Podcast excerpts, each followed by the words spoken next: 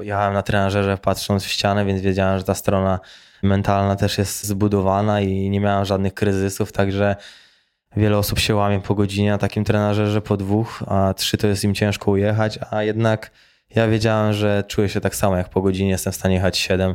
Nie wiem, czy jestem nienormalny, czy co, ale no, uświadomiło mi to, że jestem gotowy.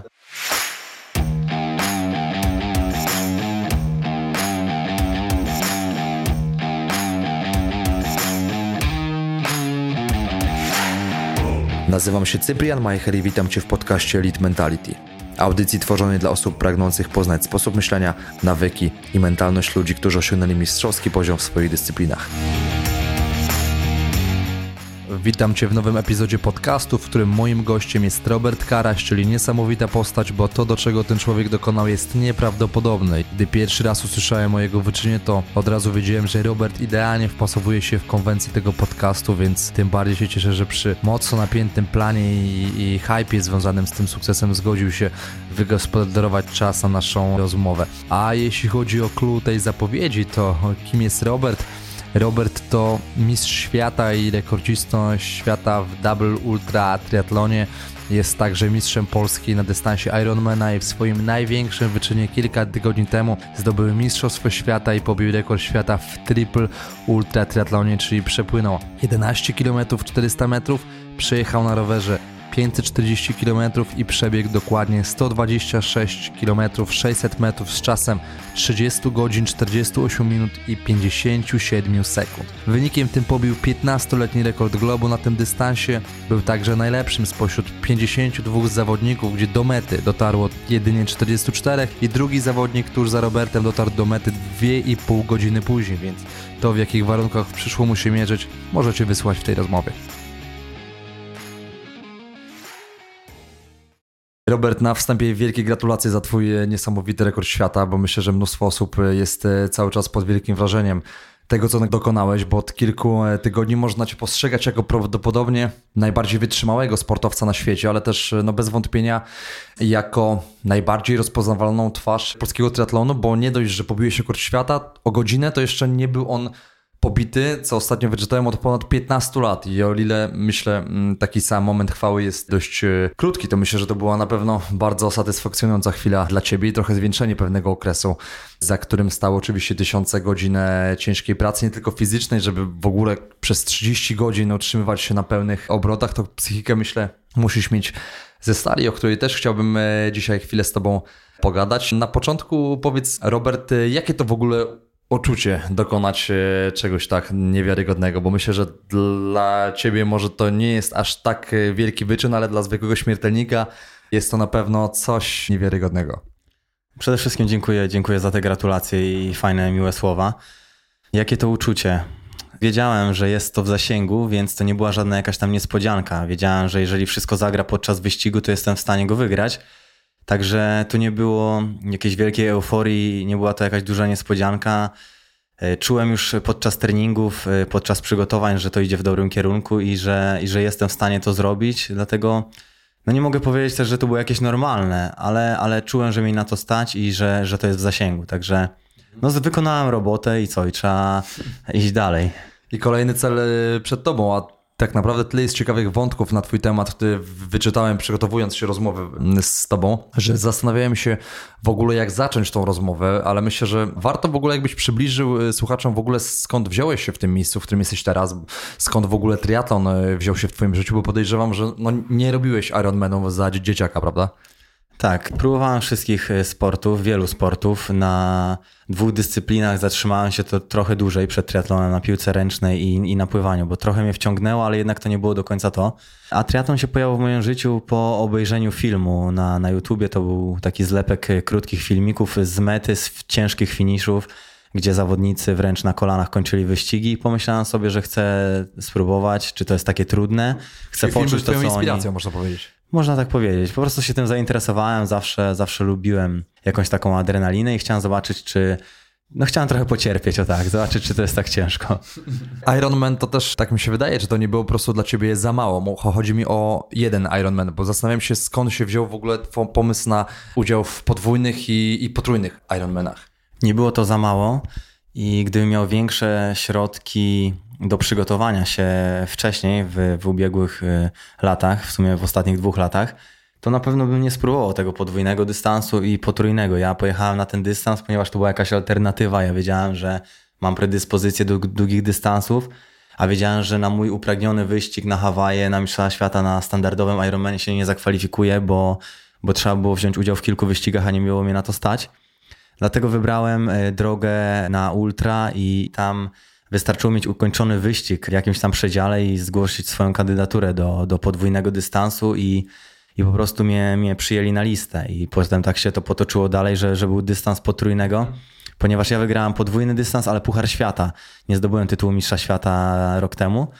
Więc sobie pomyślałem, że przeciągnę to jeszcze jeden rok, e, tą zabawę w ultra i, i zdobędę tytuł Mistrza Świata w ultra, dlatego te dwa lata e, troszeczkę w innym kierunku, troszeczkę na dłuższym dystansie, ale wracam na krótszy. I Czyli tam chcesz mi powiedzieć, że wystartowałeś e, w tym podwójnym i potrójnym Ironmanie nie dlatego, że to był gdzieś tam twój główny cel, tylko traktowałeś to, można powiedzieć, w taki jakby etap kwalifikacji do tych zawodów na Hawajach?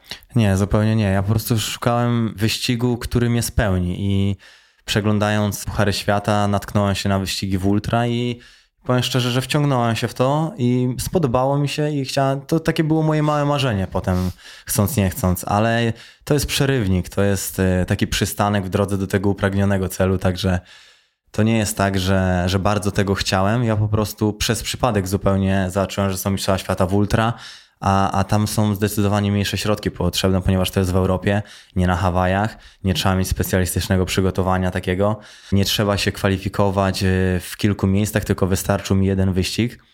I to koszta były jakby do minimum, że tak powiem, zredukowane i dlatego tam pojechałem. Okay, czyli w takim razie powiedziałeś, że twój upragniony cel, e, czyli ten upragniony cel jest e, w którym momencie? Gdzie? Na Hawajach. To są Mistrzostwa Świata Ironman, trzeba się tam zakwalifikować. Teraz jest zmieniony system kwalifikacji i wystarczy mi jeden wyścig y, ukończony na pierwszych trzech miejscach. Y, zazwyczaj, jeżeli to jest troszeczkę mniej jakby punktowany, mniej prestiżowy, to, to dwa miejsca będą się tylko kwalifikowały. I, I tyle. I trzeba zrobić jeden wyścig dobry. Jak on wyjdzie, jadę na Hawaje i tam się ścigam z najlepszymi. Kiedy jest ten wyścig? To zależy wszystko od tego, jak mój organizm teraz po potrójnym dystansie będzie szybko do siebie dochodził. Zależy od tego, jak szybko wejdę w mocny trening. Na razie już się wprowadzam. Robię trzy treningi już dziennie, natomiast nie ma jeszcze tam żadnych interwałów. Mhm. Jeżeli na moje ciało zareaguje dobrze już na interwały, nic tam nie będzie mnie ciągnęło, ponieważ achillesy mnie mocno bolały, to chcę w Argentynie na Mistrzostwach Ameryki Południowej w grudniu. A jeżeli nie, to tak naprawdę co 2-3 tygodnie są Ironmany, mhm. są kwalifikacje, mam czas do lipca bodajże, więc jest dużo tego czasu, żeby się zakwalifikować. Okej, okay, a powiedziałeś w takim razie, skąd się wzięła twoja zajawka na triatlon? Czyli gdzieś tam można powiedzieć, że nie miałeś takiej bazy w postaci. Wiem, że teraz e, Paweł Korzeniowski, który też był moim gościem tutaj, on też teraz zajął się właśnie triatlonem po skończonej karierze w pływaniu i on ma tą bazę pod triatlon w postaci pływania, tak? Jeśli powiedzmy weźmiemy Roberta Korzeniowskiego, on ma bazę w bieganiu, jeśli trenował chodziarstwo. Troszeczkę implikacja z dyscypliny na dyscyplinę, więc tutaj rozumiem, że w Twoim przypadku nie było takiego zajęcia jednego, w którym byłeś taki naprawdę mocny i zdecydowałeś się troszeczkę poszerzyć swoje horyzonty. Czy ja, ja trenowałem pływanie, nie byłem takim zawodnikiem utytułowanym jak Paweł Korzeniowski. Specjalizowałem się na 50 metrów trening grzbietowym, ale tak jak, jak mówiłem, to nie było to. Ja opuszczałem te treningi, gdzieś tam doszedłem do finału Mistrzostw Polski, chyba nawet 17-18 latka, gdzieś tam ocierałem się o pudło. Także ja, ja trenowałem kilka lat to pływanie, ale, ale nie, nie tak jak Paweł, nie z takim skutkiem, zupełnie ina, inaczej. Ja można powiedzieć bardziej amatorsko, Paweł wyczynowo.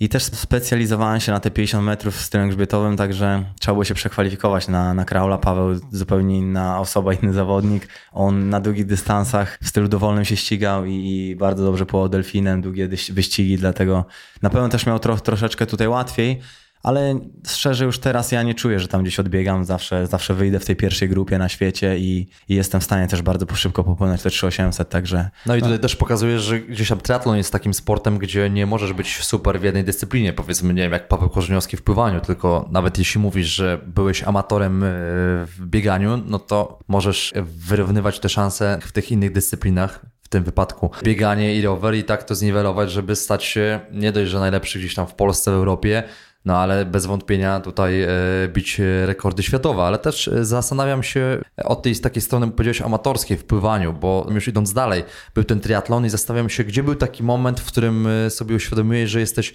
tak dobry, że chciałbyś to właśnie robić na poziomie zawodniczym, bo jak wiemy, byłeś strażakiem i z tego zrezygnowałeś i zastanawiam się, gdzie był taki moment w ogóle. Czy pierwsze wyścigi mi już pokazały, że jestem w stanie to dobrze wykonać. Już po pierwsze trening inaczej mi wchodził jak w pływaniu, ponieważ z chęcią chodziłem na te treningi i nie wyobrażałem sobie opuścić jakiejś tam jednostki treningowej, a w pływaniu byłem szczęśliwy, że po prostu na niego nie szedłem, więc dojrzałem do sportu, więc przede wszystkim to mi pokazało, że jestem gotowy na to.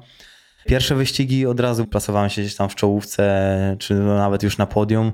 Szybko zacząłem wygrywać, poprawiłem rekord polski, później ten rekord został odebrany, ale to mi wszystko pokazało, że mam do tego talent i że ciężką pracą jestem w stanie zrobić wiele. A też trenerzy w triatlonie, których spotkałem, pierwszy trener Bogdan Tołwiński i i drugi Marcin Florek, oni mówili, że ja mam papiery na, na mistrza świata.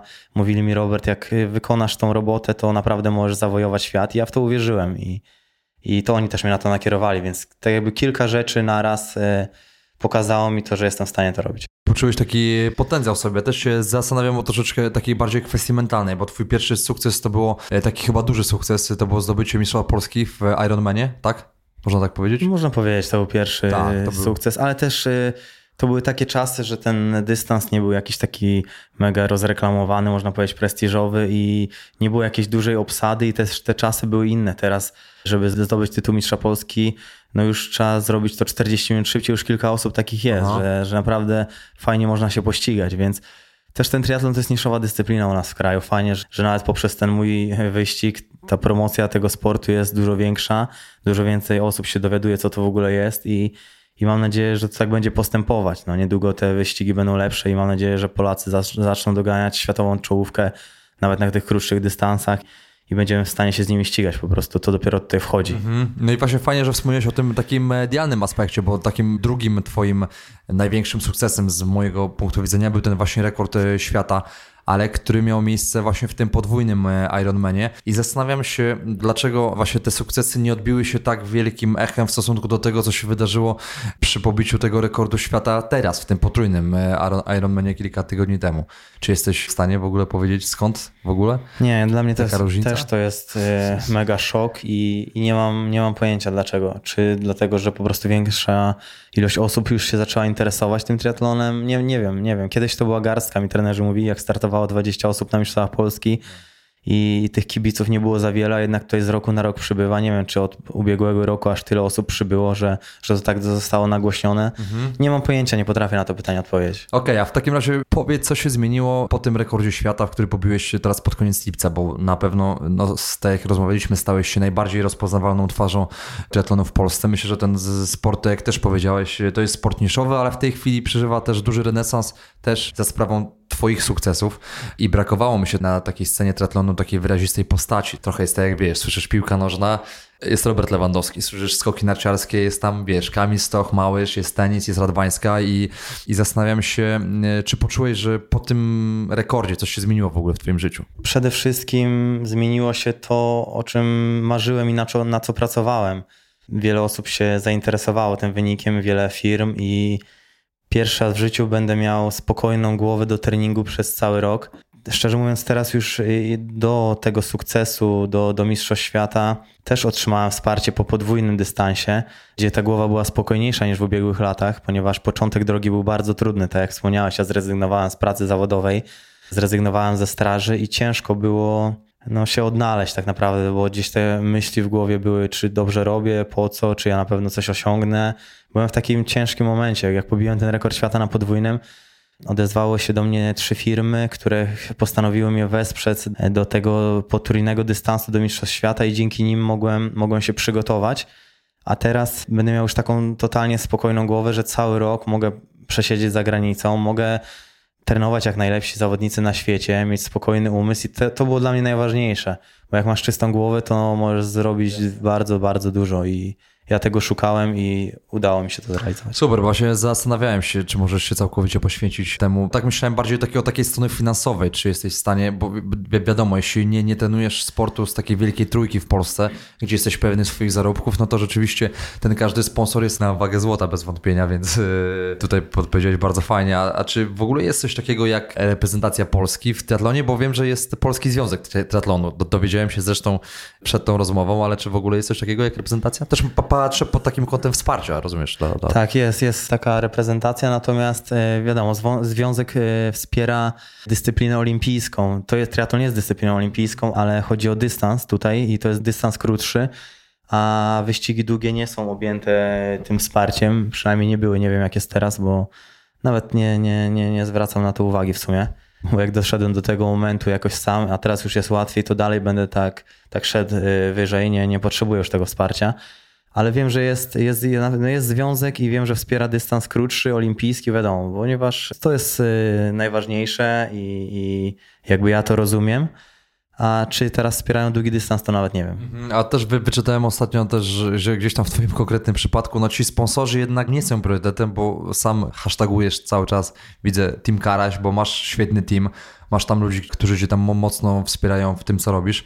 Jaką rolę w ogóle pełnią ci ludzie w twoich y, przygotowaniach? Znaczy ogólnie Team Karaś to jest drużyna amatorska triatlonowa, którą założyłem z bratem i co, jesteśmy trenerami. Mój brat uczy tutaj pływania w Warszawie na miejscu, a ja trenuję triatlonistów z kraju. Aha, czyli to nie I są to ci nie ludzie, jest... którzy cię y, wspomagają, bo wiem, że masz taką swoją, oglądałem y, część twojego wyścigu, 31 godzin nie oglądałem, ale widziałem ludzi, którzy cały czas cię wspierają. Jedna osoba przykłada ci lód do szyi, druga ci daje jedzenie, trzecia daje ci izotoniki, czwarta cię motywuje, więc y, masz bardzo taką, chodzi mi o tą o grupę, o tak, o taką grupę wsparcia, czyli ten e, support. Bo Team Karaś właśnie, ja też wchodzę w skład tego teamu i też okay. reprezentuję Team Karaś na wyścigach, dlatego e, stąd te koszulki i te logotypy na koszulkach, które widziałeś.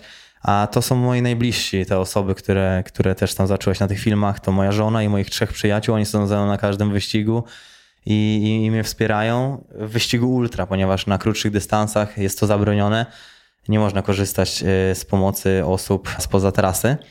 Natomiast na wyścigach ultra ma się taki support i, i właśnie oni są ze mną na każdym długich, długim wyścigu. Wspomniałeś też e, o swoim bracie. Jesteście dla siebie taką, myślę, wzajemną e, motywacją. Można powiedzieć, do zwykłych ludzi nie należycie, bo on tak samo przepłynął jako pierwszy na świecie, pokonał 100 km Bałtyku w pław czyli to jest z koło brzegu do wyspy Bornholm i samodzielnie przepłynął ten dystans 28 godzin 30 minut i, i pobił jeszcze rekord w przepływie kanału La Manche. Więc e, coś niesamowitego. Powiedz, czy wy razem w ogóle wpadacie na takie pomysły, czy, czy to jakoś działacie na, na siebie w tych... Nie, nie, zupełnie nie. Też zgłaszając się na wyścig nie patrzyłem na to, że Seba tam gdzieś na tych długich dystansach się ściga no jakoś po prostu ciągnie nas do tych, do tych długich dystansów i co, Seba spełniał się w pływaniu, teraz przerzucił się na triatlon i kiedyś razem będziemy się ścigać w triatlonie, także lubimy takie wyzwania i, I tyle. No. Zastanawiam się, czy gdzieś tam był jakiś jeden czynnik, który w dzieciństwie was jakoś połączył, albo coś robiliście takiego niezwykłego. Dlatego nie powiesz mi, że to jest normalne, że dwoje rodzeństwa uprawia sport i to można powiedzieć, to nawet nie jest y, na poziomie wyczynowym, tylko to jest, bym powiedział, na takim bardzo wysokim poziomie abstrakcji, bo przepłynięcie Bałtyku w pław to nie jest nawet, y, wiesz, można powiedzieć, że Ironman to jest y, sport wytrzymały zrobienie go potrójnie albo przepłynięcie Bałtyku w pław czy kanału La Manche, no to już jest coś takiego, taki bardzo wysoki poziom abstrakcji. Nie? Czy tak, no ogólnie y, wszystko można zrobić ciężką pracą. Wiadomo, że nie każdy jest w stanie zrobić to w takim tempie, bo i sobie wynik na tym Bałtyku to, to jest naprawdę mocne tempo. I u mnie na, na tym potrudnionym triatlonie to też no, trzeba się trochę napracować, żeby to w takim czasie zrobić, szczególnie na tej trasie ale jeżeli ktoś ciężko trenuje i bardzo w to wierzy, w to, co chce osiągnąć, to jest w stanie zrobić takie rzeczy. Także to wydaje się bardzo ekstremalne, ale wszystko, wszystko poprzez ciężką pracę można, można wykonać. Jasne, czyli determinacja i ciężka praca z twojej strony, czyli takie kombo dwóch czynników no jakże ważnych y, w osiąganiu sukcesów sportowych. A chciałbym, Robert, też nawiązać teraz do tematu, który interesuje mnie szczerze mówiąc najbardziej, bo do twojego ostatniego wyczynu, czyli pobicia rekordu świata w potrójnym Ironmanie. No i chciałbym też pogadać o takiej kwestii mentalnej, bo dokonałeś y, czegoś kompletnie dla mnie niemożliwego, w mojej głowie siedzi gdzieś tam od jakiegoś czasu, mogę powiedzieć, jakieś, nie wiem, zrobienie maratonu, którego się mocno obawiam, bo robię, nie wiem, połówkę E, nie jestem biegaczem, ale gdzieś tam stawiam sobie jakiś e, kolejny cel, wyzwanie. No i mocno obawiam się jakichś kryzysów na trasie, ale patrząc w ogóle gdzieś tam z takiej twojej perspektywy na trasę, którą pokonałeś, to ten maraton można powiedzieć jest takim bardzo krótkim odcinkiem, między powiedzieć odcinkiem na, na wodopój, więc chciałem spojrzeć troszeczkę na to pytanie w ogóle z innej perspektywy, ale pierwsza myśl w ogóle moja, to co siedzi w ogóle w twojej głowie przez 31 godzin morderczego wysiłku? W ogóle o czym myślisz podczas e, tego, albo o czym nie myślisz? Znaczy ogólnie wracając tutaj do tego strachu i do tych obaw, tego nie ma przed wyścigiem, nie ma w trakcie, póki gdzieś tam coś, coś cię nie złamie twojej głowy. E, jak tutaj mówisz o maratonie, to, to nie masz się czego obawiać, o, może się obawiać osoba, która faktycznie nie trenuje i chce to zrobić, to te kryzysy na pewno przyjdą, jeżeli nie jest przygotowana, ale jeżeli się przygotujesz w 100%, to na pewno skończysz to z uśmiechem na twarzy. A, a u mnie już podczas takiego długiego wyścigu ja na treningach nie przebywam tyle czasu, wiadomo. I nie wiadomo nigdy co będzie, ale nie ma takiego strachu, ponieważ trenuję 6 dni w tygodniu, 3 razy dziennie, czasem 4. Jest tego masa tych godzin. W najcięższych tygodniach, pamiętam, przekroczyłem 40 godzin czystego treningu. Także no ja się tego nie boję, ale... Szybko policzyłem, wychodzi, jeśli nie trenujesz w weekendy, to wychodzi 8 godzin Około 8 godzin dziennie. Nie trenuję w niedzielę, w sobotę rano robię krótką symulację wyścigu, krótki trening, a tak, wychodziło tak, a to były tylko dwa tygodnie w życiu. Normalnie to około średnio około 300 godzin. A jeżeli chodzi o te myśli i podczas wyścigu, o czym myślę, ja staram się pilnować zakresów y, tempa, zakresów mocy na rowerze, pamiętać o tym, kiedy mam się napić, kiedy mam zjeść. Więc umysł jest zaprogramowany na te cyfry i te myśli nie dochodzą jakieś tam z zewnątrz, e, ile to jeszcze i tak dalej, i tak dalej. Najgorzej właśnie jak taka myśl przyjdzie i wtedy ciężko jest sobie z tym poradzić, bo raz właśnie ja miałem taki moment zwątpienia na 60 kilometrze, gdzie uświadomiłem sobie, ile tych kilometrów przede mną i to był błąd. Więc jak ktoś będzie chciał robić kiedyś ultra, najlepiej jest nie myśleć i nie uciekać myślami gdzieś tam dalej, tylko po prostu skupić się na tym, co się robi, na, na tym, żeby dobrze się odżywić, nawodnić, schłodzić i pilnować tempa i, i będzie dobrze. Okej, okay, ja rozumiem, że zdarzały Ci się jakieś kryzysy na trasie w ogóle? Pierwszy na rowerze był... Taki po, poza tym jednym, bo rozumiem, że powiedziałeś o tym jednym, ale czy jest ich, ich więcej? Bo rozumiem, że jeśli masz do przejechania 540 km, no to mieszkasz w Elblągu teraz, jesteś z Elbląga, tak, tak. więc do Elbląga jest powiedzmy 280 km. Dokładnie. No to po prostu musisz dwa razy przebyć tą trasę. I zastanawiam się w ogóle gdzieś tam właśnie, jak sobie z takimi też kryzysami radzisz. Kryzysów jakichś tam mentalnych nie było, nie dużyło mi się w ogóle to, ale był jeden moment, to było, właśnie nie pamiętam, który to był, czy 300 któryś, czy około 400 kilometra, że już nie byłem w stanie myśleć o żelach, a akurat wiedziałem, że mam przyjąć żel energetyczny i na, sam, na samą myśl o jego smaku chciało mi się wymiotować. I to był taki kryzys, taki dyskomfort, że już mój organizm się broni przed tym. Ale spotkałem się z takim czymś na podwójnym dystansie i wiedziałem, że zmienię pokarm i z tego wyjdę, więc to był taki chwilowy kryzysik, można powiedzieć, mały. A na biegu były trzy. Pierwszy ten y, na 60 km, ale potem były dwa podobne, więc y, już też wiedziałem po pierwszym o co chodzi i, i nie bałem się go za drugim razem. Wiedziałem, co trzeba zrobić, jak oszukać głowę i, i żeby go przejść. Czy poczułeś y, takie większe wyzwanie jeśli chodzi o ten potrójny Ironman w stosunku do tego drugiego? Czyli czułeś, że rzeczywiście ten potrójny jest dużo cięższy niż ten podwójny?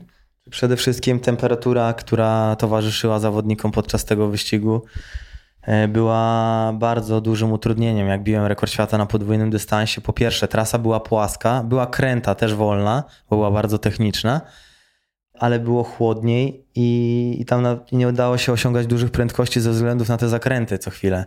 A tutaj były nie dość, że nie było zakrętów, ale nie dość, że była ta pogoda bardzo ciężka, bo było ponad 30 stopni w cieniu, czyli 50 na słońcu gdzieś, bo było czyste niebo, to jeszcze były podjazdy, było prawie 3 km przewyższenia na trasie kolarskiej, także to zdecydowanie trudniejszy wyścig od podwójnego. To wszystko zależy od profilu trasy i od pogody. Nie, nie mogę powiedzieć, że Ironman jest e, na przykład łatwiejszy czy cięższy, bo to zależy od dnia, od pogody i od, jak, i od tego, od profilu trasy przede wszystkim. No jasne, tutaj rzeczywiście pokonałeś jeszcze tego potrójnego Ironmana, można powiedzieć, w takiej półsaunie, bo 50 stopni w słońcu, no to rzeczywiście jest e, różnica niesamowita. E, można powiedzieć, że startowaliście w takich piekielnych warunkach i, i chciałbym też pogadać e, o Twoich wrażeniach z tych każdej konkurencji e, oddzielnie, bo rozumiem, że na początku jest basen, czyli pływaliście w odkrytym basenie, e, tam o długości 50 metrów, więc trzeba, też sprawdziłem to sobie, trzeba było pokonać ten odcinek 228 razy. I to jeszcze słyszałem, że musiałeś w taką pogodę pływać w piance. Znaczy nie musiałem, były dozwolone, Musiałeś. więc każdy z tego korzystał. Wiadomo, w piance jest lepsza wyporność, człowiek się nie męczy, więc każdy z tego korzysta. Trzeba było po prostu dostosować tempo, trochę zwolnić i nie trzymać tych założeń sztywno, co były ustalone przed wyścigiem, trochę trzeba było zwolnić. E, Częściej się zatrzymywać na chłodzenie, bo zatrzymywałem się co 2 km na, na jedzenie, picie i na chłodzenie, więc taka przerwa 15-20 sekundowa musiała być, żeby się nie przegrzać, bo siłą rzeczy jak, jak jest tak gorąco, to temperatura wody jest też wysoka i nie zdążyli tego zbić, czy nie, czy nie chcieli zbić. W każdym razie woda miała 30 stopni, jeszcze plus pianka, jest to mega, mega trudne. I, I co? I, I cięższe do, do zrobienia, dlatego taki wyścig weryfikuje i nawet nie można. Tutaj to pokazało to, że trzymać sztywno się planu, tylko czasem trzeba to zmienić. Jasne, a wolisz pływać w takim razie takie pętle 50-metrowe, bo rozumiem, że no przepłynąć 20, 228 razy jedną pętlę to może ci się zakować w głowie, więc wolisz powiedzmy płynąć jeden odcinek e, o długości tam 6 km, zrobić nawrotkę i koniec? Ale og- ogólnie w triatlonie wyścigi się odbywają na otwartym akwenie, natomiast w ultra często są na basenie, a w 99% nawet są na basenie, z tego względu, że jest zdecydowanie łatwiej dla, dla supportu karmić zawodnika, O, a też ze względu bezpieczeństwa. No tak, logiczna I sprawa. No tak. mi jest zdecydowanie ciężej osiągać duże prędkości na takich małych pętlach. Już tutaj mówię o rowerze i o, i o biegu, ale jest to zdecydowanie łatwiejsze do zrobienia, bo cały czas ma się kontakt z supportem. E, Oni mówią straty, przewagi, podają te bidony częściej i nie trzeba tak o tym myśleć. Na rowerze nie jedzie się z trzema bidonami, tylko z jednym, więc to jest, jest trochę lżej, jest, jest to ułatwienie i też pod kątem psychicznym. No. Pomagają ci, wspierają, ta mentalna strona jest cały czas na wysokim poziomie, a jakbym gdzieś miał wyjechać na pętlę 90 km, to na takim dystansie mogłoby się źle skończyć, bo nie wiadomo, co by człowiekowi tam się gdzieś przytrafiło No tak, dalej. jesteś całkowicie sam bez wsparcia, to rzeczywiście, no to ma sens, co mówisz, a w takim razie rozumiem, że to pływanie, samo pływanie rozpocząłeś o godzinie 7 rano, bo o tej godzinie rozpoczynały się w ogóle zawody. Na rower wsiadłeś, można powiedzieć, yy, no w momencie takiego największego skwaru takiego, bo to było bezchmurne niebo, taka, nie wiem, tam godzina 12, na, najwyższa temperatura wcześniej. Jeżeli o 7 zaczęło się pływanie, to o 9.41 byłem w boksie, więc po 9:40. minucie wyjechałem, także przed 10 wyjechałem na rower. No, przy 10, ale to i tak jest na najwyższa gdzieś tam temperatura w ciągu dnia. Co w takim razie działo się na trasie rowerowej w tak, takiego bezchmurnego nieba? Tak w skrócie to, to było piekło. Ja musiałem szybko zmienić kask, ponieważ jechałem w czasowym, tam jest zdecydowanie mniejsza wentylacja. Tych otworów e, wentylacyjnych jest mniej niż w kasku szosowym, więc szybko trzeba było to zmienić. Po około 2-3 godzinach już mi było za ciepło.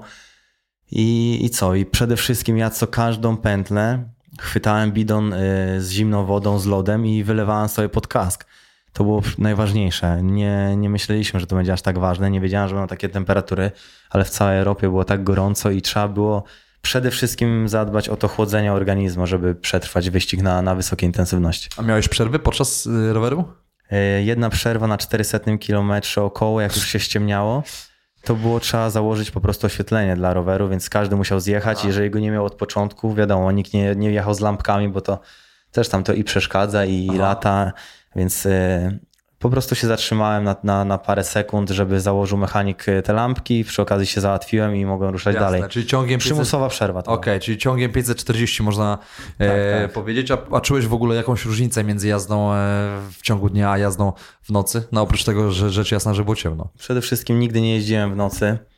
Nie trenowaliśmy tak tego do zmroku, najpóźniej jeździłem. Bo to rozumiem, przepraszam, że ci przerwę, też rozumiem, to były pętle 8-kilometrowe. To nie było tak, że jechałeś 540, wyjeżdżałeś i wracałeś. Nie tylko- pamiętam dokładnie ile miała, 8 km, 90 metrów bodajże. Okej. Także Czyli pętle cały czas robiłeś pętle. okej. Tak, no, 44 metry przewyższenia na każdej, dwie nawrotki na małych rondach i jeszcze na środku były takie małe rondo, że trzeba było troszeczkę zwolnić. I, no i pofałdowana trochę trasa, ale no też dobrze, że te pętelki były, częsty kontakt z supportem i to było, pętla mi zajmowała około 13-14 minut, więc e, mogłem co te 13-14 minut się schłodzić. Jakby była większa, nie, byłoby to rzadziej i byłoby Jasne. gorzej dla mnie, więc więc dobrze, że, że tak wyszło. A jesteś y, zadowolony w ogóle z tego wyniku, jaki uzyskałeś, bo y, z tego co wyczytałem, to średnia w ogóle prędkość na rowerze też była bardzo imponująca, bo to było 35 km na godzinę i gdzieś tam przeliczając sobie na 540 km, no to jest też coś niewyobrażonego. Czy na tej trasie jestem bardzo zadowolony? Ja ogólnie jako już y, zawodnik nie patrzę na prędkość tak jak większość osób. Ja patrzę na, na generowaną moc. Mam bardzo dobrą pozycję na rowerze i wiem, że jeżeli ta moc będzie wysoka, to jest wszystko ok, ale tutaj nie można się sugerować prędkością, ponieważ tą moc, którą wygenerowałem na płaskiej trasie, gdzie będą załóżmy cztery zakręty, byłoby 38 na godzinę, więc jakby to była inna trasa, można było przejechać to 3 na godzinę szybciej. Przy 15 godzinach to możesz sobie wyobrazić, ile i szybciej bym przyjechał do boksu. Mhm. Więc na tej trasie jestem bardzo zadowolony, nie, nie byłem w stanie pojechać szybciej. Okej, okay, idąc y, dalej, bieg rozumiem zacząłeś około drugiej w nocy, tak? Dobrze mówię? Tak, tak, tak. Około drugiej w nocy i czy można powiedzieć, że to była taka najgorsza część trasy dla, dla ciebie, czy jak się czułeś na, na tym biegu w ogóle później? No zdecydowanie. Rozumiem, coś... zsiadłeś z roweru 540 km i 12 km prawie miałeś w basenie, więc to rozumiem, że potem jak sobie wchodzisz, dobra, teraz y, przebiegnę sobie ponad 120 km, no to rozumiem, że jest. No siłą rzeczy jest to najtrudniejsza konkurencja w ultra. Y, na krótszych dystansach y, różnie to wychodzi. Czasem się lepiej zawodnikowi jedzie, czasem płynie, czasem biegnie, różnie, różnie to wychodzi, natomiast wszystko jest na podobnym jakby samopoczuciu, a tutaj siłą rzeczy, jak ktoś schodzi z roweru po 18 godzinach już, bo razem z pływaniem tyle było, to ten organizm jest bardzo, bardzo zmęczony i, i wiadomo, że to będzie najtrudniejszy moment, tym bardziej, że do przebiegnięcia jest potrójny maraton, więc coś mega ciężkiego i też ciężko się biega w nocy. To jest taka jedna rzecz, bo mało treningów e, robiłem nocnych, z takiego względu, że no tak funkcjonuje. Ja jestem zmęczony już o godzinie 21, idę spać. Starałem się czasem zrobić trening w nocy, może z trzy razy to wyszło, ale tylko żeby po prostu tego zasmakować i tyle. Ale nie chciało ci się spać podczas biegu, rozumiem? Właśnie na zawodach nie, ale podczas tamtych treningów tak i bardzo się tego bałem. Ale tu też nie chciałem tak przestawiać organizmu, że na ten trening nocny, dzienny, bo, bo w końcu by organizm wariował i nie byłbym w stanie normalnie sypiać. A tutaj była już adrenalina podczas zawodów i nie chce się spać zupełnie, e, cały czas, cały czas się wciska i, i nie myśli się o żadnym śnie, ta adrenalina jest na fajnym mm. poziomie i to dobrze idzie. No jasne, a jak w ogóle z, z twoją konkurencją, bo też ścigasz się tam, rozumiem, kiedy akurat ty wchodziłeś na bieganie, to rozumiem, że jeszcze część e, osób była gdzieś tam dwie godziny czy nawet więcej za tobą, więc zastanawiam się, czy byłeś skupiony właśnie w głównej mierze na wykonywaniu tych zadań przez twój support, czy, czy, czy zastanawiałeś się, czy widziałeś w ogóle też jak radzą sobie inni, czy starałeś się gdzieś to kątem oka gdzieś tam kontrolować? Znaczy, wiedziałem jaka jest informacja, ponieważ na każdej pętli była tablica i się od razu wyświetlało elektroniczna tablica z czasami. Ja wiedziałem na ile jadę każdą pętlę, widziałem jak oni jadą, wiedziałem, że cały czas powiększą tą przewagę, ale ja niczego nie byłem pewny wiadomo, trzeba trzymać założeń i, i pilnować tych e, właśnie żywienia, chłodzenia, e, trzymać założeń odnośnie tempa i to wszystko, wszystko idzie w dobrym kierunku. Na takim wyścigu nie da się przyspieszyć, nawet jakby mnie ktoś wyprzedzał, bo czego nie wytrenujesz, to nie zrobisz podczas takich zawodów i ja byłem przygotowany na tyle, ile, ile mogłem to zrobić, więc jakby ktoś tam mnie gdzieś mijał, to to nie jest krótki dystans, że faktycznie możesz siłą woli go złapać i jeszcze się pościgać. Tu tego się nie da, nie oszukasz tego, czego nie zrobiłeś i no taki wyścig się robi na tyle, ile się w stanie, jeżeli go się mądrze zrobi. Bo oczywiście można było już przegrać w wodzie za mocno płynąc, nie? Mhm. Można było się tak przegrzeć, że na, na rowerze bym pewnie padł. No jeden tak z zawodników, jeden z faworytów widziałem, leżał około 10 godzin koło krawężnika. Tak. Potem ukończył ten wyścig. Ale po 10 godzinach dopiero. Czy leży. skończył wyścig w 46 godzin bodajże. 46 godzin, czyli miał przerwę 10 godzin, może poszedł spać. Tak. Znaczy nie, był bardzo wycieńczony i nie wiem, jak rozmawiałem z nim, to mówił, że nie, że musi to skończyć i wrócił. Chciał to już wcześniej jakby brzydko mówiąc walnąć, ale, ale wrócił na trasę i skończył. Okej, okay, imponujące, czyli rywalizacja, ale w takim e, mądrym e, znaczeniu, żeby się nie podpalać. A w takim razie mówisz o, dużo o tym nawodnieniu, bo rozumiem, że gdzieś tam piłeś wodę w głównej wieży i tej izotoniki, czyli gdzieś tam poziom sodu musiał się zgadzać w organizmie. A jeśli byśmy powiedzieli o samo odżywianie na trasie, to jak ono wyglądało? Bo jeśli masz 31 godzin, no to podejrzewam, że kalorii, których spalasz jest no naprawdę sporo, więc jak wygląda twoje jedzenie? Za to był odpowiedzialny mój support i dietetyk. E, ja wiedziałem przed każdym nawrotem pętli, co dostanę, bo mi krzyczeli. To było wszystko przećwiczone podczas treningów. Zazwyczaj co 25 minut jadłem właśnie taki twardszy posiłek, to było różnego rodzaju pokarmy zblendowane. Ja musiałem pilnować, żeby co 2-3 minuty pić, żeby co 3-25 minut zjeść taką tabletkę salstika z elektrolitami, żeby właśnie mnie nie, tam nie wypukało, Skurczy żeby nie było tak. skurczów. I co? I musiałem pilnować żele, ponieważ jeszcze wiozłem ze sobą bidon z żelami, żeby te żele co pół godziny jeść. A oni pilnowali tego twardszego pokarmu i tylko mi mówili, co będzie i, i tyle. Je, Jakiś przykład z tego e, twardszego pokarmu? znaczy na początku zaczęliśmy w ogóle od słodki. Ja zacząłem na żelach, później przeszliśmy w takie papki, ryż zblendowany z musem owocowym. Nie wiem dokładnie z czym to było, bo ja też nie wnikałem jakby w Wybierasz, tego. czy po prostu ktoś nie, ci daje, Ja to no? czułem podczas treningów i w smaku mi pasowało. Wiedziałem, że to jest dobrze zbilansowane, tam wszystkie te proporcje są zachowane, przez dietetyka układane, więc ja w to nie ingerowałem, ponieważ się na diecie nie znam. Zaufałem w 100% osobie, która wcześniej y, pomagała i tyle. Była jakaś wołowina, pamiętam, podlana rosołem. Raz nawet śmieszna sytuacja, zamówiłem pizzę, trzy kawałki pizzy zjadłem. Właśnie o to się chciałem też zapytać, bo słyszałem, że zamówiłeś pizzę na trasie. Tak, już nie miałem siły jeść tych pokarmów i tak jak mówiłem wcześniej, ten kryzys taki, że mi się chciało wymiotować na myśl tego wszystkiego, to obok była restauracja, zamówiłem pizzę i zamiast do Z kubeczka... z dowozem ten. Zamiast do tego kubeczka na punkcie żywieniowym, gdzie była podawana ta papka zblendowana, e, wkładali mi kawałek po prostu pizzy i go jadłem leżąc na rowerze. Było ciężej jakby to przegryźć, ale, ale zdecydowanie mój, moja głowa się lepiej czuła. Właśnie to było moje kolejne pytanie, więc świetna historia, ale zastanawiam się też, Robert, nad e, końcówką tego biegu, bo... bo Jeszcze przerwę, przepraszam. Okej. Ludzie mogą tutaj myśleć, e, że, że to była jakaś tam, nie wiem, piknik, przerwa na, pizzę, to tak brzmi, ale to było wszystko, Wszystko w w trakcie trasie, jazdy. Tam, nie wiem, punkt żywieniowy był naprawdę, gdzie, gdzie był kawałek wypłaszczenia, to przy 400 na godzinę trzeba było zjeść ten kawałek.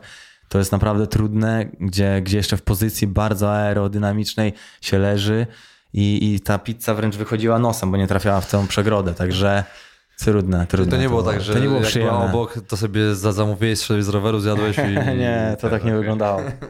Okej, a też Robert oglądałem twoją końcówkę, która, no, tak jak ci powiedziałem, była też niesamowita. Z mojego punktu widzenia pod tym względem, że to nie był taki typowy wyścig, gdzie wbiegasz na linię mety i tak powiedzmy na zawodach kolarskich, że podnosisz ręce do góry, jest uśmiech, e, mnóstwo fanów, przybija ci piątki, tylko u ciebie można powiedzieć taki był zwrot o 180 stopni, bo końcówka twojego biegu, jeśli ktoś jej nie widział, to było zero emocji, zero uśmiechu, wyglądałeś, e, bym powiedział, bardziej na wkurwionego niż zadowolonego.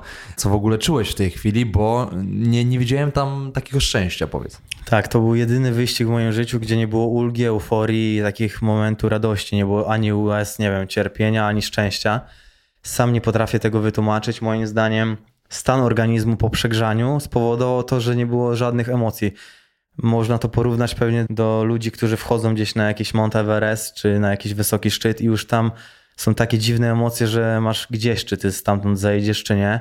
Po prostu nie czuje się nic. Jest obojętność taka, straszne uczucie i, i co? Myślę, że to jest przez to przegrzanie, nie przez kilometraż, bo m- wiem, że gdyby było chłodniej, to, to te ręce w górze byłyby podniesione i zdecydowanie łatwiej byłoby ten wyścig skończyć, a tutaj przez tą pogodę moim zdaniem organizm skrajnie wyczerpany, bo, bo wiadomo, nawet się nie zaleca za długo przebywać na słońcu w takiej temperaturze, czy spacerować, a co dopiero uprawiać jakieś tam sporty, czy przebywać 30 godzin na takiej intensywności, więc myślę, że to jest tym spowodowane, tym bardziej jak widziałem film na 13 km przed metą, ostatni film, gdzie ja miałem przerwę, na biegu miałem takie trzy y, przerwy, około 2-3 minut, właśnie na masaż i na troszeczkę odbudowanie głowy.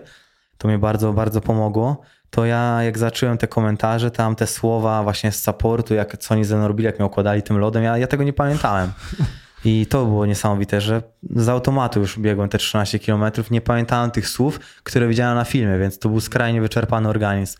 Dlatego może tych, tego szczęścia nie było na, na finiszu. Bardzo taką ciekawą analogię przytoczyłeś do tego wejścia na Mount Everest, bo widziałem też jak wbiegałeś z tą flagą Polski, gdzie ktoś ci zarzucił i jakby no, w momencie wbiegnięcia jakby też wyglądałeś na takiego, gdzie rzeczywiście byłoby ci wszystko obojętne, bo y, na tobie tam twój support uwiesił się, zaczęli ci gratulować, a ty byś troszeczkę taki, taki jakby trzymałeś poker face, w ogóle taka kukła, zero emocji, w ogóle jakby nie było kontaktu z tobą, ale gdzieś tam podejrzewam, że to był właśnie, tak jak powiedziałeś, efekt takiego kompletnego wycieńczenia i, i zastanawiam się też, co się dzieje po tym biegu, bo rozumiem, że go kończysz i jak wyglądają pierwsze godziny, pierwsze dni po takich zawodach. Czy idziesz spać od razu, czy, czy mogłeś za- zasnąć? Jak to Najgorsze wyglądało? pierwsze właśnie ten moment po wyścigu jeszcze trzeba było oddać próbkę na, na antydoping i to było kolejnym wyzwaniem, bo, bo nie było... Są kontrole antydopingowe w tak, Ironmanie? tak, są. tak, tak. I przed wyścigiem i, i po. E, więc to było trudne, bo nie, nie mogłem się załatwić, wszystko się blokuje, tak jak mówiłeś. No, organizm zacementowany wręcz, nie, nie da się nic, nie da się zrobić kroka, jakby jest zaprogramowany umysł na te 126 km i, i potem nic się nie da zrobić. Ja musiałem jeszcze wlać w siebie 3 litry płynu, żeby się załatwić, bo, bo, bo nie mogłem po prostu, a to też jest trudne, jak już brzuch jest taki żołądek nadwyrężony, można powiedzieć, bo co chwilę przez 30 ileś godzin piłem i jadłem w tak krótkim czasie niby małe pokarmy, ale ciągiem. No to jest bardzo trudne. I na myśl o tym płynie już też chciało się wymiotować bardziej niż tam się załatwić, więc trzy godziny były ciężkie, żeby oddać tą próbkę. W końcu się udało. Pojechaliśmy do, do mieszkania nie mogłem zasnąć, ponieważ temperatura ciała była na tyle wysoka, że to mi uniemożliwiało. Miałem dużą gorączkę, stany zapalne w całym organizmie, achillesy były wielkości łydki. No by trzeba było to zobaczyć, trudne do opisania. Ból okrutny stawów i skupiliśmy się na tym, żeby zbić temperaturę ciała, więc Natalia, moja żona z przyjaciółmi, właśnie Adrianem, Janiszem i, i Piotrem mnie chłodzili. Oni też bardzo zmęczeni, bo wiadomo, ile oni musieli też podczas wyścigu zrobić. To Można nie jest powiedzieć taka tak- akcja reanimacyjna. Dokładnie. Ile oni musieli się namęczyć podczas wyścigu z tymi pokarmami, z przyrządzaniem tego, z wyliczeniem. I, i też walczy walka ze snem. A jeszcze po wyścigu trzeba było też zadbać o to, żeby, żeby zbić tą temperaturę i też do północy. e, Myślę, że pracowaliśmy na tym, żeby to wszystko zbić. Na szczęście się już w końcu udało i każdy się położył spać, ale nie da się zasnąć po takim wyścigu i jak tak zliczyłem, to może przez trzy doby spałem dwie godziny. Okej, i następnego dnia rozumiem, wstajesz i jak to wygląda? Jak się czują w ogóle twoje mięśnie, twój organizm? Bo czy możesz, nie wiem, wstać i idziesz normalnie, czy... Nie, zupełnie nie. Nie byłem w stanie zrobić nawet kroka, więc chodziłem na prostych nogach, nie da się ugiąć kolan do toalety, a jakieś dłuższe spacery, żeby coś tam wyjść, zjeść, czy gdzieś, gdzieś pójść, to, to na barana mnie brali i, i po prostu na barana sobie Coś- chodziłem przez pierwszy dzień. Drugiego dnia już mogłem troszeczkę spacerować i nawet bokiem schodziłem po schodach, a na trzeci to już puszcza, więc bardzo szybko, ja mam też taki organizm, że on szybko wraca do siebie, szybko się regeneruje i to bardzo szybko przebiegało. Myślę, że możesz wystąpić w jakimś programie, gdzie jedziesz wózkiem inwalidzkim, bo od razu po zawodach i możesz mówić, że sport to zdrowie i że bardzo polecasz triatlon i startowanie w Ironmanie, bo rozumiem, że no to, co robisz, to mija się z takim e, archetypem sprawnego, zdrowego atlety, bo to nie jest, prawda? Do końca. Tak, dlatego zdrowe. ja też uciekam od tego ultra, nie będę tego robił, wracam na krótszy dystans standardowego Ironmana i na pewno zdecydowanie bezpieczniejsze, też takich wyścigów nie ma dużo w ciągu roku, ja będę robił dwa Ironmany przez cały rok, a, a na treningach się tyle czasu nie przebywa, także nie, nie zgadzam się z tym, że, że, że tam nie jestem zdrowym sportowcem, czy, czy, czy mam jakieś, nie wiem, większe można powiedzieć, uszczerbek niż, niż zwykły śmiertelnik na zdrowiu, bo nie mam, bo nawet jak ostatnio się badałem, to, to lekarze byli w szoku, jak mi robili rezonans w sumie całego ciała, to u mnie nie było w ogóle widać, że ja trenuję. To jest najśmieszniejsze. Nie było nic zniszczone. Na pewno taki wyścig sieje duże spustoszenie w organizmie, dlatego nie będę, to było jednorazowe. Chciałem zostać mistrzem świata, zostałem. Może kiedyś wrócę poprawić jeszcze ten rekord, nie wiem, bo to ciągnie do tego. Tak jak właśnie Himalajstów ciągnie w górę wysoko, tam się odnajdują, mnie ciągnie do, do różnych wyścigów. Na pewno teraz wracam na krótszy dystans, chcę zrealizować cel, a co będzie później, nie wiem. Na pewno trenuję tyle samo w ciągu dnia, co inni wyczynowcy. Nawet nie chodzi o triatlonistów, chodzi o mi o biegaczy czy, czy kolarzy. Oni też na treningach spędzają bardzo wiele godzin i to nie jest tak, że, że ja robię jakoś więcej i to zdrowie gdzieś tam nadużywam. Jasne, jestem ciekawy, jakby wyglądały te badania be, bezpośrednio po takim wyścigu, ale mm, też y, wracając jeszcze do tej e, samej regeneracji, rozumiem, że jeśli często poddajesz swój organizm takim wyzwaniom i, i tygodniowo potrafisz przepracować, przetrenować 40 godzin dziennie, to zastanawiam się, Tygodniowo. Tygodniowo, Niedzielnie. tygodniowo, sorry, tygodniowo. Dziennie byłoby ciężko, ale y, w jaki sposób w ogóle regenerujesz? Czy masz jakieś takie sprawdzone sposoby, gdzie szybciej stajesz na nogi? Bo rozmawialiśmy chwilę przed rozmową, to powiedziałeś, że po samym wyścigu, tak? Miałeś dwa tygodnie przerwy, czyli rozumiem, że taki całkowity rest to jest taka twoja ulubiona forma, czy masz jakieś takie inne To znaczy, ciekawe sposoby? Zupełnie inaczej jest w okresie treningowym, a inaczej po, po starcie. Ja po wyścigu głównym, a są dwa takie w ciągu roku, odpoczywam dwa tygodnie, nie robię nic. Takie dwa tygodnie bez treningu, bez żadnych myśli o sporcie, o triatlonie, robię sobie inne rzeczy. To zupełnie inaczej wygląda niż podczas treningu. Tak jak wspomniałeś o tych 400 godzinach. Ja tylko dwa razy w, w życiu miałem tydzień taki, że przekroczyłem 40 godzin, a tak jak uśredniamy, to to około 30 wychodzi. A jak sobie Tak radzę... jest bardzo dużo. Tak, dużo. A jak sobie radzę z tą regeneracją, Po pierwsze, ja mam taki organizm, że ja nie czuję się jakiś mocno obolały, zmęczony, czy tam gdzieś zaklejony od środka, że potrzebuję częstych wizyt gdzieś tam u fizjo czy, czy masaży. Raz w tygodniu staram się na taki masaż pójść, więc zawsze to robię. Szczerze mówiąc, żadne kontuzje nie, nie przypamiętują mi się. Ja, ja nie mam problemu z organizmem. On naprawdę sobie dobrze radzi i zwalcza te trudy tych treningów. Więc to też jest trochę szczęścia, bo wiele osób wiem, że jak przekracza 20 godzin, to już ma problemy, a tutaj coś kolano boli, tu coś, a ja, ja mam właśnie o tyle dobrze, że mi się to nie dzieje. Szczerze mówiąc, najtrudniej mi jest wrócić po tych dwóch tygodniach, tak jak teraz już zaczynam się powoli wdrażać w trening, to troszeczkę czuję się jeszcze taki obolały, takie dziwne bóle się pojawiają, jak po chorobie się czuję, okay. połamany, ale to jest normalne i trzeba powoli wejść w ten trening. Potem, jak już zaskoczę, wejdę w normalny reżim treningowy, to to puszcza i ja się czuję naprawdę bardzo, bardzo dobrze. Jak widzę osoby, które nie trenują i mają problem z wejściem po schodach, czy, mm. czy nie wiem, z jakąś prostą czynnością, czy wychodzą z samochodu i są uwalone, to ja na pewno mam się lepiej i, Jasne, tak naprawdę szukam takich, takich czynników, które gdzieś tam sprawiają, że to ty jesteś tym rekordzistą na świecie i potrafisz poddać e, swoje ciało takim obciążeniom, bo rozmawiając, no to gdzieś tam widzę, że takim kluczowym e, czynnikiem jest e, u ciebie taka wewnętrzna gra i w ogóle przełamywanie takich bariery psychicznej, no i tak jak powiedziałeś, ciężki trening, którym jesteś od małego przygotowywany. I też przed chwilą powiedziałeś taką bardzo ciekawą rzecz, bo powiedziałeś, że tam wrócisz do zawodów ultra, jeśli będziesz chciał, prawda? Ale też w jednym z wywiadzie wyczytałem, powiedziałeś taką bardzo ciekawą rzecz, że byłbyś w stanie urwać, też było niesamowite, że byłbyś w stanie jeszcze urwać z tego e, potrójnego Ironmana, z tego rekordu świata półtorej godziny. Tak, nie na tym, nie na tej trasie. Chodziło o to, że z tą formą, którą prezentowałem podczas wyścigu w Lenzan, Aha. tam zazwyczaj są Mistrzostwa Świata. Mi chodziło o ten tytuł Mistrza Świata, więc tam wystartowałem ale jeżeli chciałem bić rekord, to pojechałbym na płaską trasę. Trzy tygodnie wcześniej jest wyścig w Austrii. Tam jest trasa. To jest potrójny. I, I... Tak, tak, ale to jest Puchar Świata. Nie masz tego tytułu mistrza upragnionego, który ja chciałem mieć, tylko to jest Puchar Świata, e, jeden z, z wielu w ciągu roku. I co? I tam jest płaska trasa.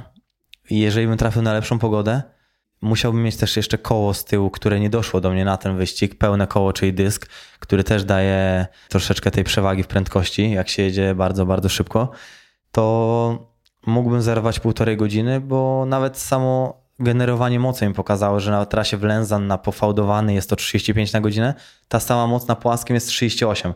Mhm. To tu już masz 3 na godzinę, a jedziesz 15 godzin. Także 15 km, tak jak dobrze liczę, nie, więcej, 30 km przyjeżdżasz szybciej jakby. Tu, tu bym miał 510 dopiero, a tam już bym był w strefie zmian. Mhm. Więc to jest, można powiedzieć, prawie godzina. Dysk to jest kolejne pół godziny niższa temperatura i naprawdę można złamać 29 godzin. Mhm, rzeczywiście, a powiedz y, w takim razie też wspomniałeś o tym kole, prawda, które miałeś od roweru, które też nie przyszło. Tak. W ogóle jaki wpływ na te wyniki ma y, sprzęt sportowy? Bo rozumiem, że twój rower jest wart tyle, co myślę, że średniej klasy auto, tak? Więc zastanawiam się, czy tutaj jest taka walka zbrojeniowa między zawodnikami. To, czy to ma jakiś taki duży wpływ? Bo sam powiedziałeś, że to tylne koło ci nie przyjechało i na nim mógłbyś urwać tam. Yy, tak, tak, zamówiliśmy, sporo. nie przyszło. To prawda, no, żeby się ścigać trzeba mieć ten najlepszy sprzęt, ale ta czołówka to, to, to ma i tu już do gry wchodzi i pozycja i jakieś tam detale inne, a każdy już jest zaopatrzony w ten sprzęt. Na początku było trudno, bo oczywiście nie było pieniędzy, nie było wyników, więc nie było też sponsora, który by cię wsparł.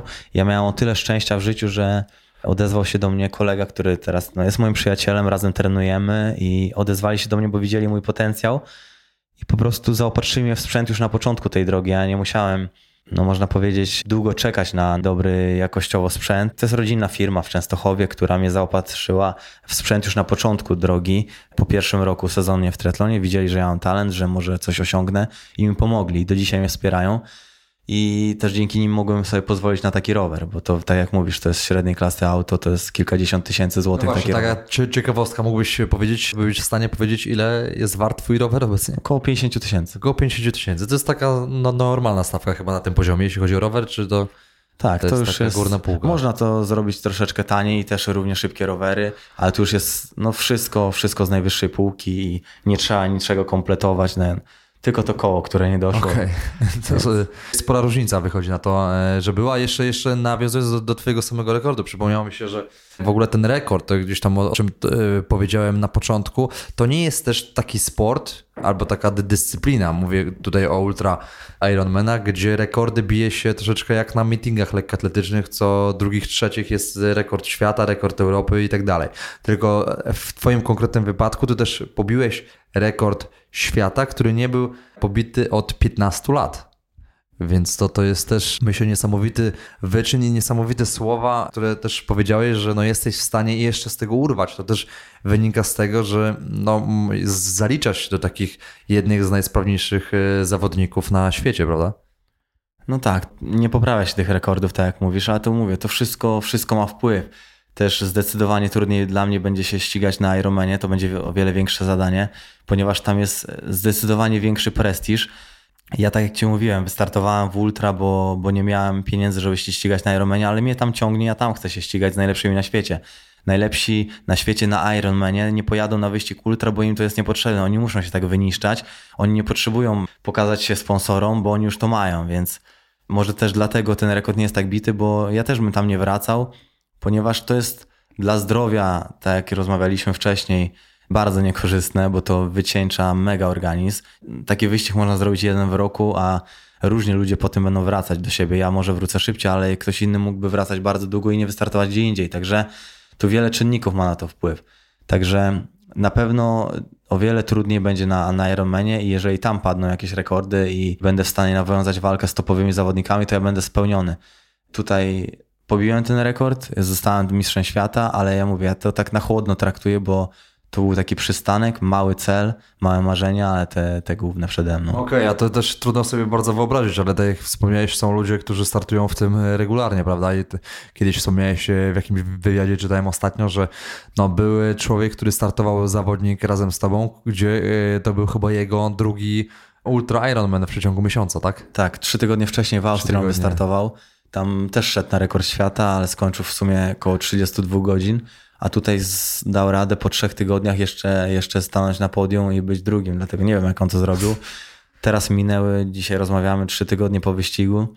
Ja nie byłbym w stanie dzisiaj tego drugi raz zrobić jeszcze na takim poziomie, więc niesamowite, jak, jak on był przygotowany. No to prawda, a też jeśli byśmy porozmawiali o takiej części treningowej twojej, bo powiedziałeś, że no, trenujesz bardzo dużo e, i powiedziałeś też od takiej właśnie strony treningowej, że wszystkie twoje treningi są jakościowe i, i że to też jest e, bardzo takie ciekawe zjawisko, które zauważyłem, czyli powiedziałeś, że nie masz czasu na klepanie tych kilometrów, co jest takim zjawiskiem bardzo częstym u, u osób, myślę, u amatorów, które myślę dopiero rozpoczynają swoją przygodę i chcą troszeczkę na, narobić właśnie tych kilometrów w tych e, trzech dyscyplinach. I czy uważasz w ogóle, że to jest błąd, klepanie? Czy jakby Twoim zdaniem powinno się realizować te głównie konkretne założenia treningowe, w których właśnie musisz przełamować te bariery? Przede wszystkim to jest indywidualna sprawa. Na, na początku tej drogi, wiadomo, jest więcej tych takich jednostek treningowych na niższych intensywnościach, żeby w ogóle ciało przyzwyczaić do tego treningu. Ja też e, zaczynałem zupełnie z innego jakby pułapu i też było tych przysłowiowo mówiąc klepanych kilometrów więcej, ale to też podbijało mega moją formę i mi tego było potrzeba. Czyli klepanie kilometrów jako baza. Tak, na tak, początek. tak. To okay. było bardzo potrzebne. Natomiast im dalej się szło, tym już jakby mniej to, to działało na organizm, jak w każdym sporcie i trzeba było tego kopa dostać większego, żeby, żeby móc y, wejść na poziom wyżej. A teraz już jest tak, że no nie mogę sobie na to pozwolić, bo nie mam na to czasu. Ja, ja naprawdę muszę bardzo ciężko trenować, żeby ścigać się na, na jak najwyższym poziomie też są różne systemy treningowe. No ja wychodzę z takiego założenia, nie da się bez ciężkiej roboty zrobić wyników, więc przynajmniej w moim przypadku tak jest i nigdy się nie spotkałem z osobą, która trenowała lekko, a była najlepsza na świecie. Dlatego wychodzę z takiego założenia i sam trenuję tak zawodników, że żeby to wszystko był balans, ale jednak y, ciężką pracą można tylko moim zdaniem dojść do, do, do takich wyników. Dokładnie, zgadzam się całkowicie. Czy to jest trening mentalny, czy to jest y, super dieta cud 30 dni, czy jakieś kwestie regeneracyjne, to nic nie zastąpi oczywiście tej ciężkiej pracy, ciężkiego treningu, determinacji, mnóstwa wyrzeczeń na nich i sprawiania sobie też tego troszeczkę takiego bym powiedział bólu, ale w pozytywnym tego słowa znaczenia, bo ale... wszystkim chodzi o to samo. A jeśli już jesteśmy przy tych treningach, jak wygląda twoja dieta na co dzień? Bo rozmawialiśmy o tych kwestiach żywieniowych podczas biegu, ale też zastanawiam się, jak wygląda twoja dieta, którą stosujesz na co dzień. Jeszcze tylko wrócę do tamtego pytania i żeby tak źle nie zrozumieć. Aha. e, Ja też nie zażynam się na każdym treningu, bo też można było to tak odebrać. Ja po prostu przechodzę testy co jakiś czas i układamy tak zakresy, układam w sumie, tak zakresy, żeby to było bardzo mocno, ale pod korek, żeby gdzieś tam nie przekraczać tej, tej granicy cienkiej. I to też na to można sobie pozwolić, jak się już siebie zna w 100%, kiedy zawodnik zna siebie na tyle, że wie na ile działa jaki bodziec na niego i to jest bardzo trudne, ale to się latami do tego dochodzi, ja już to wiem, ale każdy nie wiem, amator, który by teraz to usłyszał, to też, żeby nie popełnił błędu, że wychodzi i codziennie wciska, bo to może sobie zrobić krzywdę. Jasne, Trzeba tak. wiedzieć, gdzie jest ta granica i przejść odpowiednie testy i mieć naprawdę dobry plan treningowy. Dokładnie, jeżeli to przetrenowanie, tak jak powiedziałeś, może cię cofnąć o kilka tygodni czy o kilka miesięcy, bo wyjście z takiego stanu no, jest bardzo długotrwałe. Tak. A jeżeli chodzi o to żywienie, jak wygląda to podczas całego roku, nie podczas wyścigu, to ja jestem wspierany przez catering dietetyczny. Przez y, cały rok mnie wspierał catering z Trójmiasta, z Elbląga. I 3000 kalorii jadłem w pudełkach takiej zbilansowanej diety, natomiast resztę nie wiem dokładnie ile spalam, bo ja tego nie liczę, może około 6000. Dojadałem sam i to niekoniecznie były zdrowe rzeczy właśnie. Jadłem to, na co miałem ochotę. Czasem może wychodziło, że cały dzień był zdrowy, ale czasem było tak, że faktycznie tylko te 3000 było zdrowe, ale reszta to było, nie wiem, kole, pizzę, hamburgery, takie rzeczy. A tej mniej takiej dietetycznej jest strony, bo tak jak powiedziałeś, bardzo mi się podobało o tym balansie i nie przetrenowaniu się, nie, nie dochodzeniu do takiej granicy możliwości, którą można pokonywać, ale czasami, bo zbyt częste wchodzenie w ten próg powoduje bardzo mocne obciążenie e, nie dość, że układu nerwowego, to jeszcze od strony fizycznej i zastanawiam się, w jaki sposób y, odreagowujesz, czyli mówię o tym balansie, jak starasz się odciągać tą głowę od tych wyników i łapać troszeczkę świeżości takiej w życiu. Przede wszystkim ja, ja jestem normalnym człowiekiem. E, Jestem, no też można powiedzieć, taki mocno, mocno poukładany, ale też nie zafiksowany na punkcie tego triatlonu, bo wiele osób, które tego próbuje, cały dzień o tym myślą, cały dzień o tym gadają i to jest chore moim zdaniem. Ja jak idę na trening, to wiem jakie jest zadanie do wykonania. Po skończonym treningu nawet z kolegami o tym nie gadamy, nie wracamy do tego. Ja nawet nie zapisuję treningu, który zrobiłem, bo wiem jaki on jest w planie treningowej. Mam zegarek, który tam mi pomaga zrealizować trening, ale ja po skończeniu zadania ja usuwam tą aktywność, ja jej nie analizuję, a większość osób no jest na tyle sfiksowana, że wrzuca to od razu do domu, nawet się jeszcze nie wykąpie, już sprawdza, analizuje, co on zrobił. Przecież wiesz, co miałeś zadane, wiesz, co zrobiłeś i po co ci jakby to tam wiedzieć. Jeżeli masz trenera, który on musi to sprawdzić, to oczywiście trzeba to wrzucić, ale moim zdaniem każdy, kto trenuje ten sport, czy jakiś inny, czy samo bieganie, nie powinien tak bardzo przywiązywać uwagi do tych cyferek. Jeżeli ma trenera, to tr- trzeba mu w 100% ufać i tego nie analizować. Ja tak samo sam nie analizuję tego, więc jak kończę trening, ja już w ogóle nie wracam do tego, żyję sobie normalnym życiem, spotykam się z przyjaciółmi, nie wiem, pojadę sobie gdzieś z żoną, idziemy gdzieś na obiad, Także normalnie żyję, odcinam się od tego. Także jest czas na sport, jest czas na, na ten, tak jak mówisz, balans. W każdy weekend spotykam się z przyjaciółmi, wyjdziemy na piwo. Słyszałem, normalnie na, na imprezy często chodzisz też. Znaczy co tydzień, co tydzień. Także często, tydzień jesteś cztery na razy w miesiącu. Myślałem, znaczy, że jesteś ascetą bardziej pod takim kątem, że trzymasz Nie, nie. wszystko regularnie, dieta co do minuty, co do zegarka. Tutaj Ale też... co to znaczy, że co, że impreza jest zła? Nie rozumiem. Dla mnie, dla głowy to jest super. Znaczy, I... dla, dla mnie ja troszeczkę utożsamiam y, imprezę ze złymi rzeczami, które się tam dzieją. Prawda? Nie, ja to impreza, nie może źle używek, mówię. alkohol i tak dalej, ale roz, rozumiem, że gdzieś tam możesz czerpać duży fan z tego, chodząc fajnie, żeby sobie potańczyć. Znaczy, jest to właśnie nie? chodzi może o taką imprezę, bo na takie tańce to raczej tam nie, nie chodzimy. Chodzi mi Okej. bardziej o takie wyjście na piwo, spotkanie się z przyjaciółmi, pośmianie się z czegoś, używek tam nie stosuję żadnych. Tak szczerze mówiąc, to ja ile lubię wypić tylko piwo, nic tam mocniejszego. Także na, nie wiem, czy na spokojnie Wersja można to nazwać, ale, ale no, no co, no żyję sobie normalnie, tak, robię to, co lubię. Okej, a jeszcze na, nawiązując do, do takiej kwestii, e, można powiedzieć, mentalnej, e, napisałeś ostatnio na swoim fanpage'u przed samym startem, że nadszedł czas, by cierpieć, nadszedł czas, by walczyć nadszedł czas, by wygrywać. I e, no lubisz trenować, tak jak powiedziałeś, dochodząc do tej granic możliwości czasami, nie zawsze, żeby też gdzieś tam słuchasz swojego organizmu i zastanawiam się w jaki sposób i czy w ogóle pracujesz nad poprawianiem swojego takiego mentalu przed zawodami, czy gdzieś tam starasz się jakoś przygotować e, w głowie sobie, mieć jakąś wizję tego, czy, czy pracujesz mentalnie. Przede wszystkim te słowa, e, właśnie nadszedł czas, by cierpieć, walczyć, wygrywać, to one jakby w 100% odzwierciedlają to, co się dzieje podczas, podczas wyścigu. I wiem, że będzie cierpienie, wiem, że będzie walka, ale wiem też, że jestem gotowy na tą wygraną, więc jakby cała prawda tam jest zawarta w, ty, w tych słowach, w tym cytacie. Jeżeli chodzi o to, czy ja sobie tam coś wizualizuję i tak dalej, to tak, wizualizuję sobie to, co mam wykonać, te zadania, nie wizualizuję sobie, że wygrywam, tylko wizualizuję sobie, kiedy mam co zjeść, kiedy mam y, zrobić nawrót, w której sekundzie, kiedy, jaką, jaką moc mam trzymać, także i te krótkie pętle sobie wizualizuję przez chwilę i tyle. Ja nie myślę o tym, bo takie myślenie spala. Często zawodników usztywnia. Ja wiem, że jestem gotowy, a wyścig to jest taka jakby wisienka na torcie i jeżeli wszystko poszło w 100% dobrze na treningach, to ten wyścig wyjdzie. Także ja nie muszę się jakoś bardzo nastawiać mentalnie, ale mam kolegę w zespole, który mnie mega uspokaja i on jest od tej strony mentalnej na przykład. Y, podczas wyścigu też jest odpowiedzialny za, za żywienie, ale Wystarczy, że on jest na trasie, ja go widzę i mam luz. Przed wyścigiem my, my nie jesteśmy tam, brzydko mówiąc, zesrani jak większość osób i o Jezu, to już jutro, to, to, to, takie, takie rzeczy. Nie, my się śmiejemy, my w ogóle o tym nie gadamy.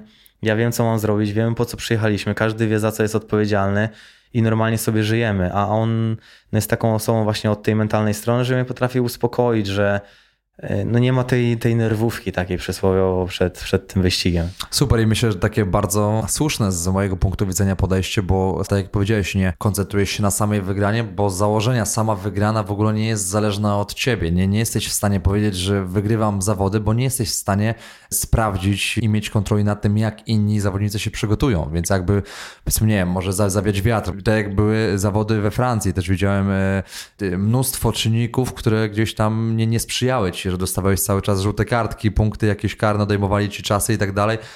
E, więc e, jedyne kwestie, które zależą od ciebie, to właśnie to, jak zjesz i w jaki sposób gdzieś tam przepniesz kolejny ten odcinek trasy, co wypijesz i, i, bardzo super podejście, ale też powiedziałeś drugą bardzo ciekawą rzecz, że zdarzało ci się kiedyś robić treningi, jeśli mówimy o tej stronie mentalnej, w której musiałeś przyzwyczaić swoją psychikę i do tego pracowałeś na trenażerze przez 7 godzin patrząc y, się w ścianę. Tak, to było. tak, tak, tak to było. Prawda?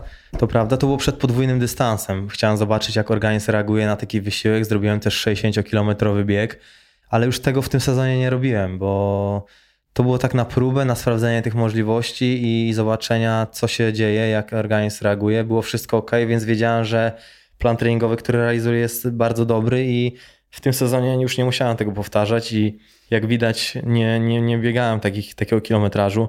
Najdłuższe treningi to były po 25 kilometrów, a i tak da radę z tego powiedz szybko i długo, więc tam to tylko mi uświadomiło, że, że idę w dobrym kierunku. Czyli rozumiem, że ten trening miał na zasadzie nie sprawdzić odporność na długotrwały objętość e, treningową, tylko bardziej mówisz tutaj chodzi o mental, tak? Czyli to było takie, powiedziałbym, trening mentalny. Znaczy też trening mentalny, ale też sprawdzenie, czy da radę z tego treningu wyrzeźbić przez taki długi okres później e, czasu jakiś taki uskutecznić ten wysiłek, no. Pokazało mi to, że, że jestem w stanie i długo pojechać, i długo pobiec. I tak jak mówisz, jechałem na trenażerze patrząc w ścianę, więc wiedziałem, że ta strona mentalna też jest zbudowana i nie miałem żadnych kryzysów, także Wiele osób się łamie po godzinie na takim trenażerze, po dwóch, a trzy to jest im ciężko ujechać, a jednak ja wiedziałem, że czuję się tak samo jak po godzinie, jestem w stanie jechać siedem. Nie wiem, czy jestem nienormalny, czy co, ale no, uświadomiło mi to, że Obawiam jestem gotowy. Się, że w delikatnym stopniu, ale w tym pozytywnym e, słowa znaczeniu, bo dla mnie to jest, to, to, to co mówisz, jest bardzo imponujące i, i e, założeniem e, tego podcastu za każdym razem to mówię jest, jest znalezienie tych wspólnych cech, tych najlepszych zawodników, e, co ich łączy, te, te szczegóły też, o których mówisz, że ty jesteś gotowy na takie wyrzeczenia, a inna osoba powiedzmy, tak jak przed chwilą powiedziałeś, że po godzinie by zeszła albo po dwóch, nie mając wsparcia, nie mając powiedzmy jakiegoś izotonika, żelu, prawda? Więc to jest dużo takich czynników, które sprawiają, że no to ty. Czy też jak ktoś siada na taki długi trening, to na pewno jest zaopatrzony w żywienie. Tu chodzi bardziej o tą mentalną tak. stronę. Nie każdy chce to robić, ale mi się wydaje, że jeżeli ktoś tak właśnie nie kończy tych długich treningów z lenistwa, to po prostu nie wie czego chce i do czego idzie, nie zna tego celu i nie wie po co, do czego dąży, moim zdaniem. Bo jeżeli ktoś ma ściśle określony cel, to po prostu się to realizuje i tyle.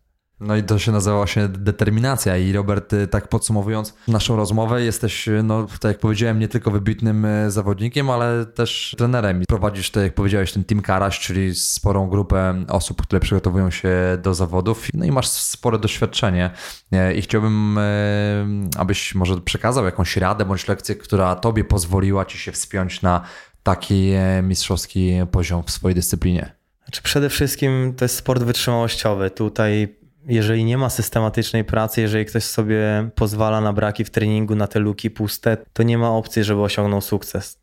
Kiedyś już wiele razy mówiłem, to nie są sztuki walki, że naprawdę ktoś nieprzygotowany może fartem kogoś trafić i wygrać, bo zdarzają się takie rzeczy. To tutaj nie ma możliwości. Jeżeli ktoś staje na starcie niegotowy, opuszczał treningi, nie realizował planu albo nie wiem, nie słuchał trenera, to nie ma opcji, żeby, żeby to się powiodło. Więc jaka rada? Przede wszystkim systematyczna praca, dobry, dobry plan treningowy i na pewno będzie dobrze. Super, czyli nie ma przypadków w żadnej możliwości. Świetnie, Robert, bardzo dziękuję Ci za no, tą bardzo inspirującą rozmowę i no, Twój kolejny cel to są, rozumiem, Hawaje, prawda? Więc no, yy, życzę Ci, żebyś na pewno Twoim celem jest wygranie czy wejście na podium? Czy przede wszystkim pierwszy wyścig będzie takim, można powiedzieć, sprawdzianem, pokaże mi na co mnie stać. Ja mam taką cechę, która tam jest bardzo potrzebna ja sobie radzę mega w upałach, bardzo dużych temperaturach i, i wiem, że mam to coś najważniejszego, bo jakbym sobie z tym nie radził, to nawet bym nie, nie zawracał sobie głowy i nie próbował tam się dostać. A ja to mam i chcę po prostu zobaczyć, na ile jestem gotowy w tym pierwszym sezonie, a na co to starczy, nie wiem. Nie mówię tutaj o wygranej, bo ja, ja jestem w stanie zrobić to bardzo szybko, nawet tam, a na ile to starczy, to ci odpowiem po wyścigu. Jasne, czyli przy sprzyjających okolicznościach życzę Ci w takim razie osiągnięcia jak najwyższego wyniku i z wielką chęcią e, będę śledził, bo to co robisz jest niesamowite i na pewno dla mnóstwa osób stanowisz taką wielką inspirację i, i mam nadzieję, że będziesz to robił dalej i, i życzę Ci wielu, wielu sukcesów. Wielkie dzięki za rozmowę, Robert. Dziękuję bardzo.